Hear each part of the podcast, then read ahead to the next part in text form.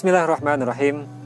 Diceritakan suatu ketika Abu Hurairah radhiyallahu an ditugaskan oleh Nabi Shallallahu alaihi wasallam untuk menjaga Baitul Mal. Baitul Mal merupakan sebuah tempat untuk menampung harta dan barang orang yang berzakat, berinfak dan bersedekah.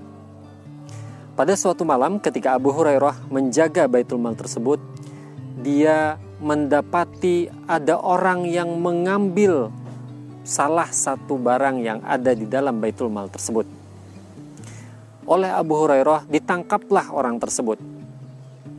Ketika orang tersebut ditangkap, dia melepaskan barang bawaannya, kemudian dia ambil lagi. Sambil dia mengatakan, "Saya orang miskin dan saya membutuhkan barang ini." Karena merasa iba, Abu Hurairah pada akhirnya melepaskan orang ini Keesokan harinya Abu Hurairah bertemu dengan Nabi. Kemudian Nabi SAW menanyakan, apa yang dilakukan tawananmu semalam? Abu Hurairah menceritakan kejadiannya dan pada akhirnya melepaskan orang tersebut. Kemudian Nabi berkata, dia berdusta dan nanti malam dia datang lagi. Setelah mendapatkan penjelasan dari Nabi, Abu Hurairah pada malam hari yang kedua semakin waspada akan datangnya tamu tersebut. Sampailah pada malam hari dia mendapati lagi orang yang sama melakukan pekerjaan yang sama, yakni mengendap-endap masuk ke dalam Baitul Mal, mengambil barang yang ada di dalamnya, kemudian menumpahkannya.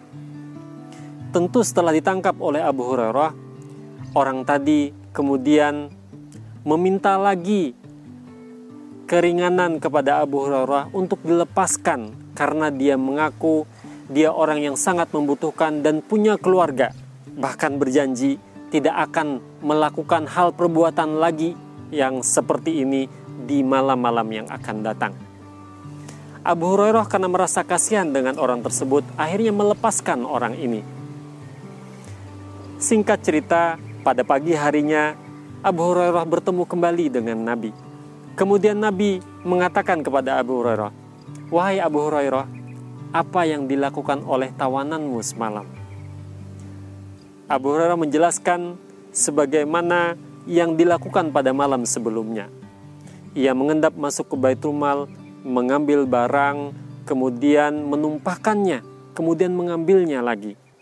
Ketika dia ditangkap, dia meminta kebijaksanaan agar bisa dilepaskan. Begitu kata Abu Hurairah.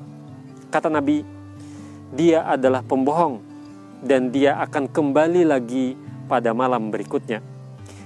Singkat cerita, pada malam berikutnya orang tersebut memang datang lagi sebagaimana yang Nabi katakan. Melakukan hal yang sama lagi, yakni mengambil beberapa barang, kemudian menumpahkannya dan mengambilnya lagi. Ketika ditangkap oleh Abu Hurairah, dan kata Abu Hurairah, saya benar-benar akan menyampaikan perbuatanmu itu kepada Nabi Shallallahu Alaihi Wasallam. Orang tersebut tadi meminta belas kasihan lagi kepada Abu Hurairah. Wahai Abu Hurairah, lepaskanlah aku. Nanti aku akan ajari kamu sebuah hal. Jika kamu membaca Allahu la ilaha illa wal hayyul qayyum sampai selesai atau yang kita kenal dengan ayat kursi, maka Allah akan memberikan perlindungan kepadamu dari gangguan setan sampai di pagi hari. Begitu kata orang tadi. Abu Hurairah karena mendapatkan ilmu baru dari orang tadi, maka orang tadi dilepaskan kembali oleh Abu Hurairah. Sampai pada keesokan harinya, Nabi bertanya lagi kepada Abu Hurairah, "Wahai Abu Hurairah, apalagi yang dilakukan oleh tawananmu?" Begitu kata Nabi. Kemudian Abu Hurairah menceritakan kronologinya, sama seperti malam pertama dan malam yang kedua namun pada malam yang ketiga ini, kata Abu Hurairah, dia mengajarkan kepadaku sesuatu hal yang bermanfaat bagiku, yakni jika aku membaca ayat kursi sebelum aku tidur, maka Allah akan memberikan perlindungan kepadaku sampai di pagi hari dari gangguan setan. Kemudian Rasulullah sambil tersenyum mengatakan, yang dia katakan itu adalah benar, walaupun dia seorang pendusta. Begitu kata Rasulullah. Kemudian Rasulullah melanjutkan, "Wahai Abu Hurairah, tahukah kamu siapa orang yang datang kepadamu di tiga malam berturut-turut itu?"